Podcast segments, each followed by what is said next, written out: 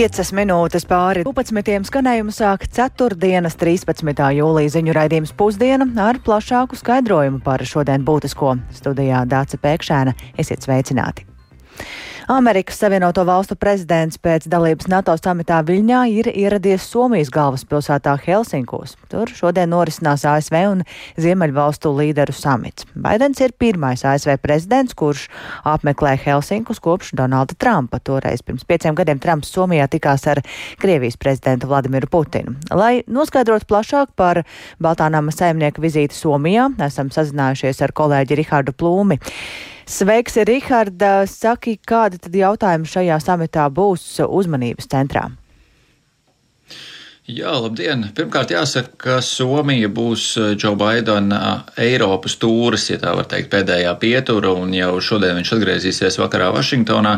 Iepriekš šonadēļ viņš Londonā tikās ar Lielbritānijas premjeru Rišiju Sunaku, bet otrdien un trešdien apmeklēja NATO samitu Viļņā.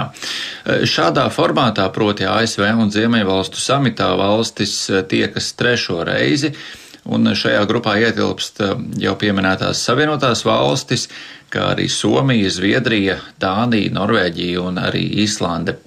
Eh, diskusiju tēma lokā ir Ziemeļvalstu un ASV sadarbība drošības, vidas un tehnoloģiju jautājumos.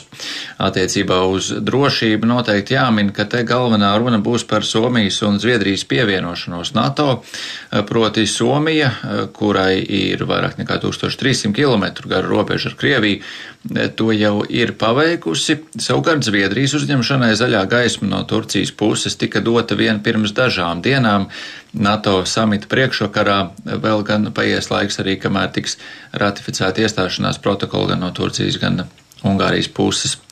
Baltā nama amatpersona sacīja, ka Baidens atzinīgi novērtēšot eh, šīs te samita laikā Somijas iestāšanos NATO un atzinīgi novērtēs arī Zviedrijas iespējamo pievienošanos. Kā šī amatpersona žurnālistiem norādīja, tad eh, Krievijas darbība rezultātā tiek novērotas lielas izmaiņas Eiropas drošības struktūrā, un Ziemeļvalstis ir tuvinājušās rietumiem, tādējādi reaģējot uz Krievijas agresīvo un arī destabilizējošo rīcību. Vēl saistībā ar drošību sagaidāms, ka valstu līderi diskutēs par drošību Arktikā. Šajā reģionā, kas kļūst arvien pieejamāks klimata pārmaiņu dēļ, arvien plašākas aktivitātes, tostarp militāras, izvērš arī Ķīna un Krievija. Maskava, piemēram, ir turpinājusi paplašināt savas militārās bāzes Arktikas reģionā, un telekanāls CNN pirms dažiem mēnešiem iegūtie satelīta attēli liecina, ka tiek attīstītas gan radaru bāzes, gan nostiprināti un paplašināti lidlauki, un tas viss neskatoties uz to, ka Krievija izvērš karu Ukrainā.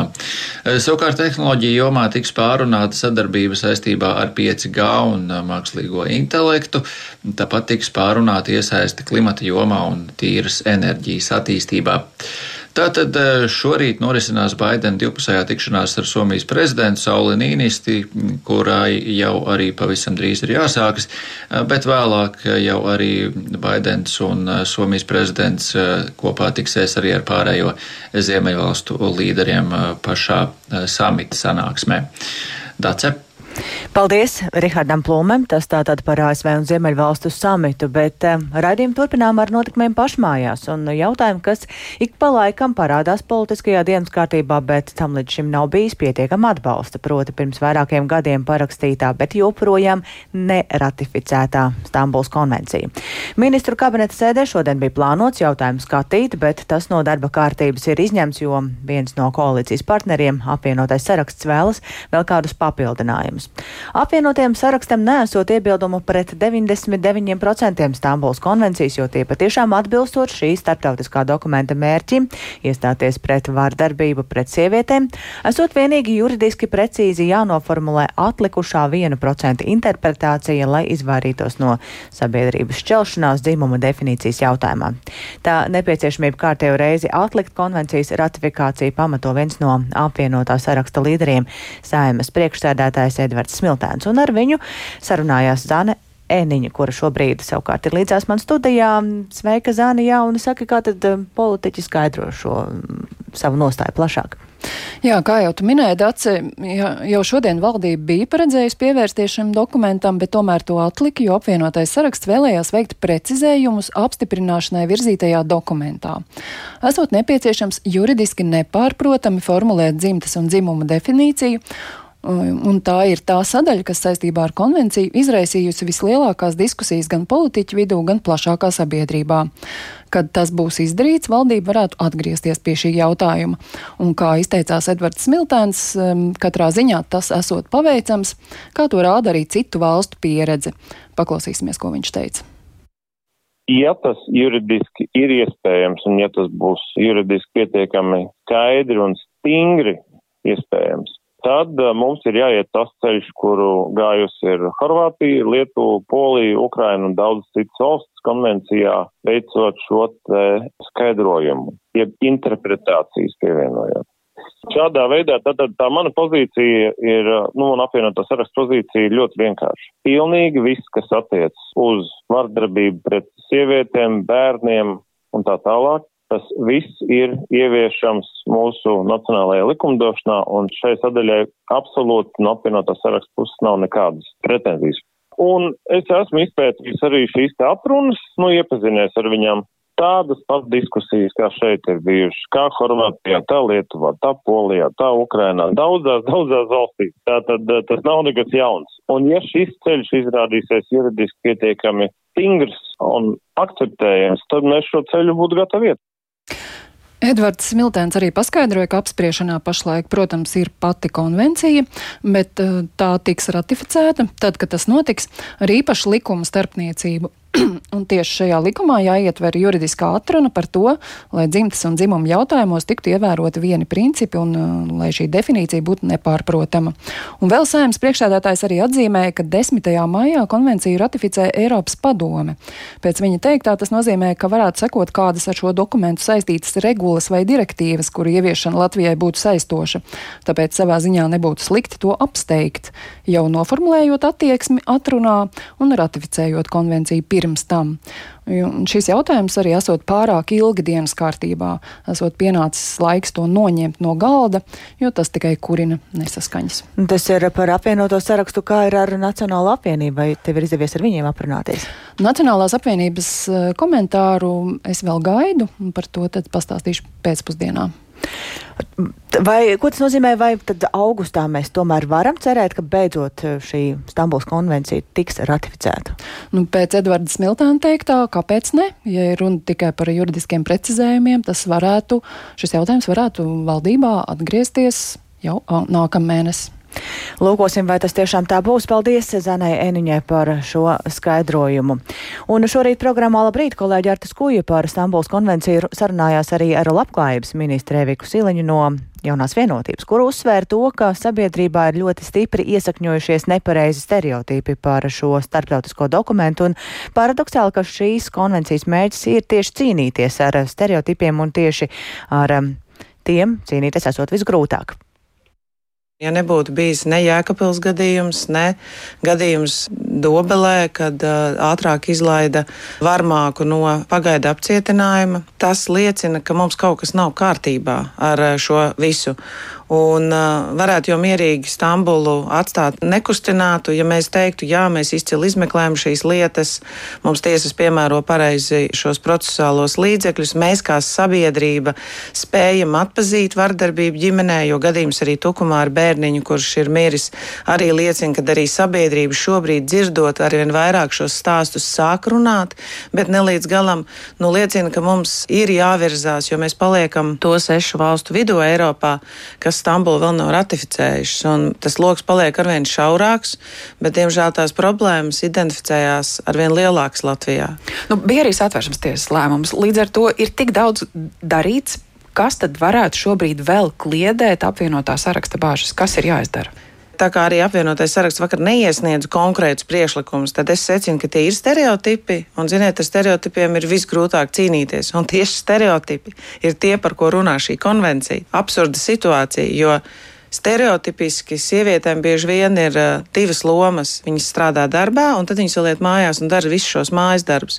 Un viena no konvencijas būtībām ir mēģināt šos stereotipus laust, lai sievietē netiktu uzlikts šīs pārāk lielās lomas, atbildība, ko viņa nevar panest. Un arī, lai nebūtu tā, ka tiek uzskatīts, ka sieviete ģimenē var tikt kaut kādā veidā nu, pazemināta. Un uh, arī attiecībā par bērniem, protams, līdz ar to, ja mamma kaut kādā veidā cieš no emocionālās, emocionāls, seksuāls vai fizisks vardarbības, par ko runā šī konvencija, tad ir skaidrs, ka arī bērns cieš. Un konvencijas mērķis ir novērst šo vardarbību, aizsargāt upurus un saukt pie atbildības vainīgos. Bet varbūt runa nemaz nav par konvenciju. Tas nav jautājums par to, vai šī valdība ir spējīga lemt tos būtiskos jautājumus. Nu, šis ir viens no tiem jautājumiem, ko arī premjerministrs ir uzlicis kā svarīgu, risināmu, atbildām arī politiķiem. Jo ja tā ļoti melnbalta mēs redzam attiecībā uz Stambulas konvenciju, tiek risināti jautājumi. Tieši tā arī bieži vien notiek ar citiem jautājumiem. Un šis varbūt ir tāds ļoti nu, melnbalts gadījums, kur var balsot pret vai par. Bet ir jau daudz citas lietas, kur it kā jā un it kā nē, bet virzības nav. Un tas ir, ir tas premjera, tā sakot, izaicinājums mēģināt šo koalīciju vai nu sakustināt, vai tad eh, arī meklēt kaut kādus papildus risinājumus, kā viņš arī ir teicis. Tā labklājības ministrs Eviks Siliņš sacītais. Bet Jākapils novada biržu ciema iedzīvotāji regulāri ir spiesti paciest mēslu smaku, ko rada vietējā cūkopības uzņēmuma darbība. Sijā Miķelāni Bekons darbojas jau vairākus gadu desmitus, bet tieši šogad smaka esot bijusi neciešama. Meklējot risinājumu, kā šo situāciju, sadzi kā šo situāciju sadzīvot pēc iedzīvotāju lūguma, pašvaldība organizēja tikšanos ar uzņēmumu pārstāvjiem, vietējiem zemniekiem, kam savukārt tur iegūstamais mēslojums ir svarīgs, un arī iedzīvotājiem, kam savukārt smaka traucē. Tikšanās piedalījās arī Sandra Paigļa Kalne, un viņas ierakstu ar plašāku skaidrojumu par šo situāciju varam paklausīties turpinājumā sadarboties vajag sadarboties. Spraigas diskusijas raisījās Biržu tautas namā, kur bija sapulcējušies Biržu ciema iedzīvotāji, uzņēmuma Miķelāni Bekons, kā arī pašvaldības pārstāvji, kopā aptuveni 30 cilvēki. Iedzīvotājus uztrauc nepatīkamā vircas smaka, kas rodas cūkopības uzņēmuma darbības rezultātā. Visspēcīgākā smaka ir tajos brīžos, kad virca no uzņēmuma tiek vesta uz vietējiem laukiem, lai tos mēslotu. Biržu iedzīvotāja Vija stāsta, ka tieši šogad smaka jūtama biežāk un ir neciešamāka nekā agrāk. Naktī logu nevar atvērt, jo, ja mēs logu atveram naktas sākumā, naktī pēkšņi ir tāda smaka, ka tu vienkārši ir vemšanas refleks. Tāpat bērns ved uz skolu. No rīta apēd nevar bērnu no mašīnas izcelt, jo tā smaka ir šausmīga. Arī biržu iedzīvotāja Ruta uzsver, ka smaka ir ļoti nepatīkama un atstāja ietekmi arī uz veselību. Tā kā ir bezvēse, ārā vienkārši nav iespējams iziet no mājas, jo tad ir tāda nu, dvingas tā pilnīgi. Nevaru savādāk nosaukt to visu. Nu, nav ko pat telpot cilvēkam. Nu. Man ir bijis pat tā, ka man sāp visi vaigu kauli, acis asaro no tās virsmas smakas. Nu, a, kur es varu māju uz ritiņiem neuzliks, neaizbrauksi nekur projām. Miķelāni Bekons gadā saražo apmēram 70 tūkstošus tonu šķidru mēslu. Tos izmanto vietējie lauksaimnieki savu lauku mēslošanai. Zemnieki vircu no uzņēmuma izved divas reizes gadā, pavasarī un rudenī, bet šogad pavasara izvešana ielga vairāku mēnešu garumā. Vietējie iedzīvotāji vaino lauksaimniekus, kuri vircas vešanu un liešanu nesot veikuši operatīvi, bet gan ar pārtraukumiem. Vircu ved kaut kādi divi, trīs zemnieki, kuriem ir nošpļauties par pārējiem. Viņiem ir galvenais pēļņi. Divi, trīs cilvēki terorizē visus biržus. Viens no zemniekiem, kas savu lauku mēslošanai izmanto vircu, ir saimniecības upes līča īpašnieks Andrēs Lisjonoks. Šo pavasaru viņš vircu veda 19 dienas, bet ar pārtraukumiem. Pirmkārt bija svētku dienas, lieldienas, un mums nav atļauts, un mēs nevedam. Otrakārt, mums bija aiztaisīti ceļi vienu brīdi. Mēs nevaram tikt ne uz lauku, ne uz ceļam, nekur. Ļoti svarīgi ir laika apstākļi. Mēs varam sākt darbu, bet, ja sākas lieti, mēs jau apstājamies. Jēkabils novada pašvaldībā uzsver, ka no likumiskā viedokļa nekādi pārkāpumi nesot konstatēti, bet runa ir par attieksmi pret iedzīvotājiem. Birzieši uzsver, ka būtu ar mieru paciest smaku divas līdz trīs nedēļas pavasarī un tikpat daudz rudenī, ja iepriekš par vircas izvešanu tiktu saņemta informācija. Uzņēmuma Miķelāni Bekons valdes priekšsēdētājs Ilvars Strasdiņš apņēmies risināt situāciju. Mēs no savas puses pakontrolēsim, ka tā virza tiek vesta pa blokiem, pa masīviem. Un kad visi zemnieki konkrētajā brīdī ir konkrētā vietā. Līdz ar to, ja tajā vietā ved to virsi, tad tās pāris dienas mird tādā vietā. Līdz ar to tiks gan nomēslot lauki, gan arī tās makas būs īslaicīgi vienā vietā. Iedzīvotāji saņēma solījumu, ka turpmāk tiks paziņota informācija par plānotajiem virsmas izvešanas periodiem. Vēl viens problēmas risinājums ir virsmas pārstrāde uz vietas. Uzņēmumā Miķelāni Bekons sola meklēt veidus, kā iegūt atbalstu ražotnes izveidei, lai no virsmas varētu ražot biometānu vai elektrību. Sandra Paigļkalne, speciāli Latvijas radio Latgales studijai. Tāda lūk situācija Jēkabils novada bieža ciemā, bet mūsu nākamais stāsts par iespējām Ukrainas iedzīvotājiem atrast darbu Rīgā. Rīgas atbalsta centrā Ukrainas iedzīvotājiem šodien notiek kārtējā darba birža. Esam jau par tām vairāk kārt stāstījuši un arī šodien vairāk uzņēmumi piedāvā darbu visdažādākajās jomās. Kādās jomās šobrīd ir piedāvājumi un vai aizvien šādas darba biržas ir pieprasījusi, to ir interesējusies kolēģi Agnīlās Deņa, kas šobrīd atrodas Rīgas atbalsta centrā Ukrainas iedzīvotājiem un ir pieslēgusies studijai. Sveika, Agnija! Cik daudz šodien Ukraiņi ir ieradušies? Labdien! Jā, jau no 2012. centrā ir ieradušies diezgan daudz ukrāņu, un tie joprojām nāk, un skaits ir liels. Un, kā man izstāstīja Pēteris Grūbe, kas ir Rīgas atbalsta centra Ukrainas iedzīvotājiem vadītājs, šī ir jau 22. darba birža, un ideja par tādu ir radusies pirms vairāk kā gada, atsaucoties uz Ukrainas civiliedzīvotāju interesēm un saprotot arī to, ka viņiem ir nepieciešama palīdzība darba meklējumos, tostarp, lai nodrošinātu šo iespēju, ka viņi atrod darba devējus, kas ir pārbaudīti un droši. Un reiz rīkoja vienu darba biržu katru nedēļu, bet nu, reizi mēnesī, un to darīs tik ilgi, kamēr būs pieprasījums, un pieprasījums ir patiesi no abām pusēm, proti gan no darba ņēmējiem, gan no darba devējiem. Un parasti uz šāda veida biržām uz centru ierodas aptuveni 200 līdz 300 cilvēku, un darbu tajās esot atraduši jau vairāki simti ukraiņu. Savukārt piedāvāts no darba devēja puses ir vairāk nekā 2000 vakanču. Taču runājot eh, tieši par šīs dienas darba biržu, tad eh, šeit ir septiņi uzņēmumi, kas piedāvā aptuveni 140 vakances. Un tas nesot lielākais vakanču skaits, kāds esot bijis, bet eh, šeit ir dažādi Latvijas uzņēmumi, gan no tirdzniecības jomas, gan medicīnas, gan citu jomu. Piemēram, šoreiz ir pārtikas ražotājs Forevers, ir arī Darbas, darba rokas meklē arī veikalu tīkls Maksima, tāpat arī ir medicīnas speciālists, medicīnas speciālists arī meklē veselības centra dziedniecība un citi uzņēmumi. Un tā norise, kā, kā notiek šī darba meklēšana, ir pavisam vienkārša. Tātad ukraiņu cilvēki atnāk uz centru un sāko, sākotnēji viņi var pie standiem izlasīt šīs vakances un apskatīties, kas viņus vairāk uzrunā no piedāvātajām, piedāvātajām darba iespējām, un pēc tam viņi attiecīgi var doties pie katra no konkrētā uzņēmēja, lai parunātu un apspriestu jau visas tālākās detaļas, un attiecīgi rezultāts jau tad ir dažāds. Tā ir iespēja darbu dabūt jau turpat, burtiski pēc tās pašas sarunas, bet eh, var norunāt arī kādu tālāku satikšanos un, un varbūt pat citas iespējas. Gadījumi tādi ir dažādi, bet eh, iespējas darbu iegūt patiesi ir. Un, kā norāda šeit centrā, tā ir ne tikai laba iespēja Ukraiņu iedzīvotājiem, bet arī darba devējiem, proti tā ir lieliski iespēja aizpildīt ilgstoši neaizpildītas vakances, tas esot veiksmīgi izdevies dažādiem medicīnas uzņēmumiem, tostarp veselības centriem, aprūpes centriem, arī Rīgas pirmajā un otrajai, otrajai slimnīcai, kur šobrīd ir jau vairāki desmit ukrāņu nodarbinātie, kas uzrunāti tieši šajās darba biržās. Tātad eh, kopumā var secināt, ka šīs darba biržas ir ļoti veiksmīgas. Dace? Jā, Agnī, saki, vai tie cilvēki, kas nāk uz šīm darba biržām, vai nu, tu jau minēji, tā ir 22. darba birža, vai tie ir cilvēki, kas nav dabūjuši iepriekšējās eh, darba biržās darbu, vai tie ir aizvien jauni cilvēki, kas meklē jaunas iespējas? Kā norāda centrā, tad tās situācijas ir ļoti, ļoti dažādas.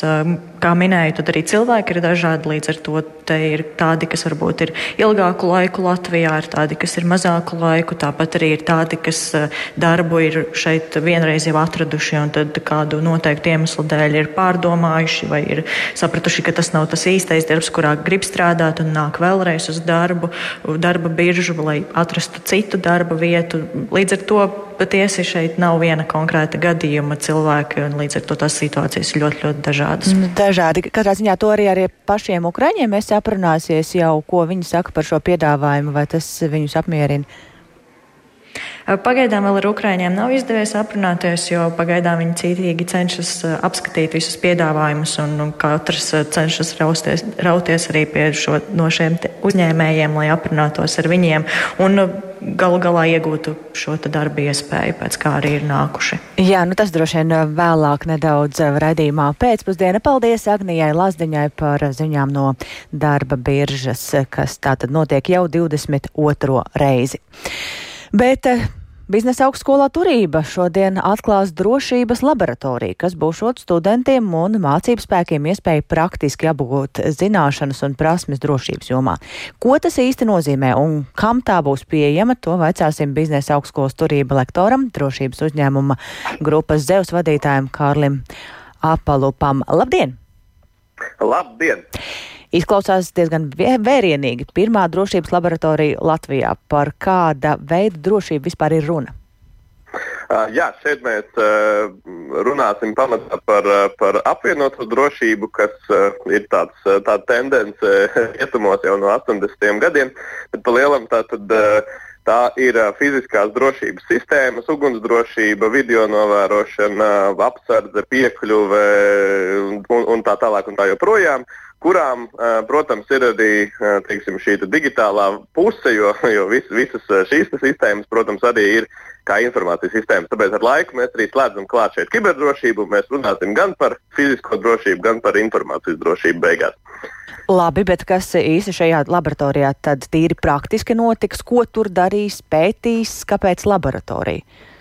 Jā, tātad eh, šo, šodien tieši to, ko varēs redzēt, tad, uh, ir šīs pašas drošības sistēmas, kas ir izvietotas jau uh, tā, tādā tā kā mācību poligonā un visiem studentiem, interesantiem, sadarbības partneriem, kam būs vēlme, tad ir iespēja redzēt nu, pa lielam pilnu šo spektru ar drošības sistēmām, apmācīties uz viņām kā uz pamatlietām, bet papildus tam arī testēt, eh, piemēram, video novērošanai, var testēt teiksim, dažādas, dažādas lētas, dažādus leņķus, gaismu, dažādu apkārtējo vidas apstākļu ietekmi, eh, putekļus eh, un tam līdzīgi teiksim, ietekmi uz šīm kamerām. Tāpat mēs varam arī ugunsdrošības sistēmām pārbaudīt, teiksim, cik pie cik liela piedūmojuma notiek nostrāde pie, pie cik lielas, eh, teiksim, pie cik lielām vibrācijām var būt kaut kādas nostrādes un tam līdzīgi. Ja? Kā, tas, tas laboratorijas mērķis ir eh, dot um,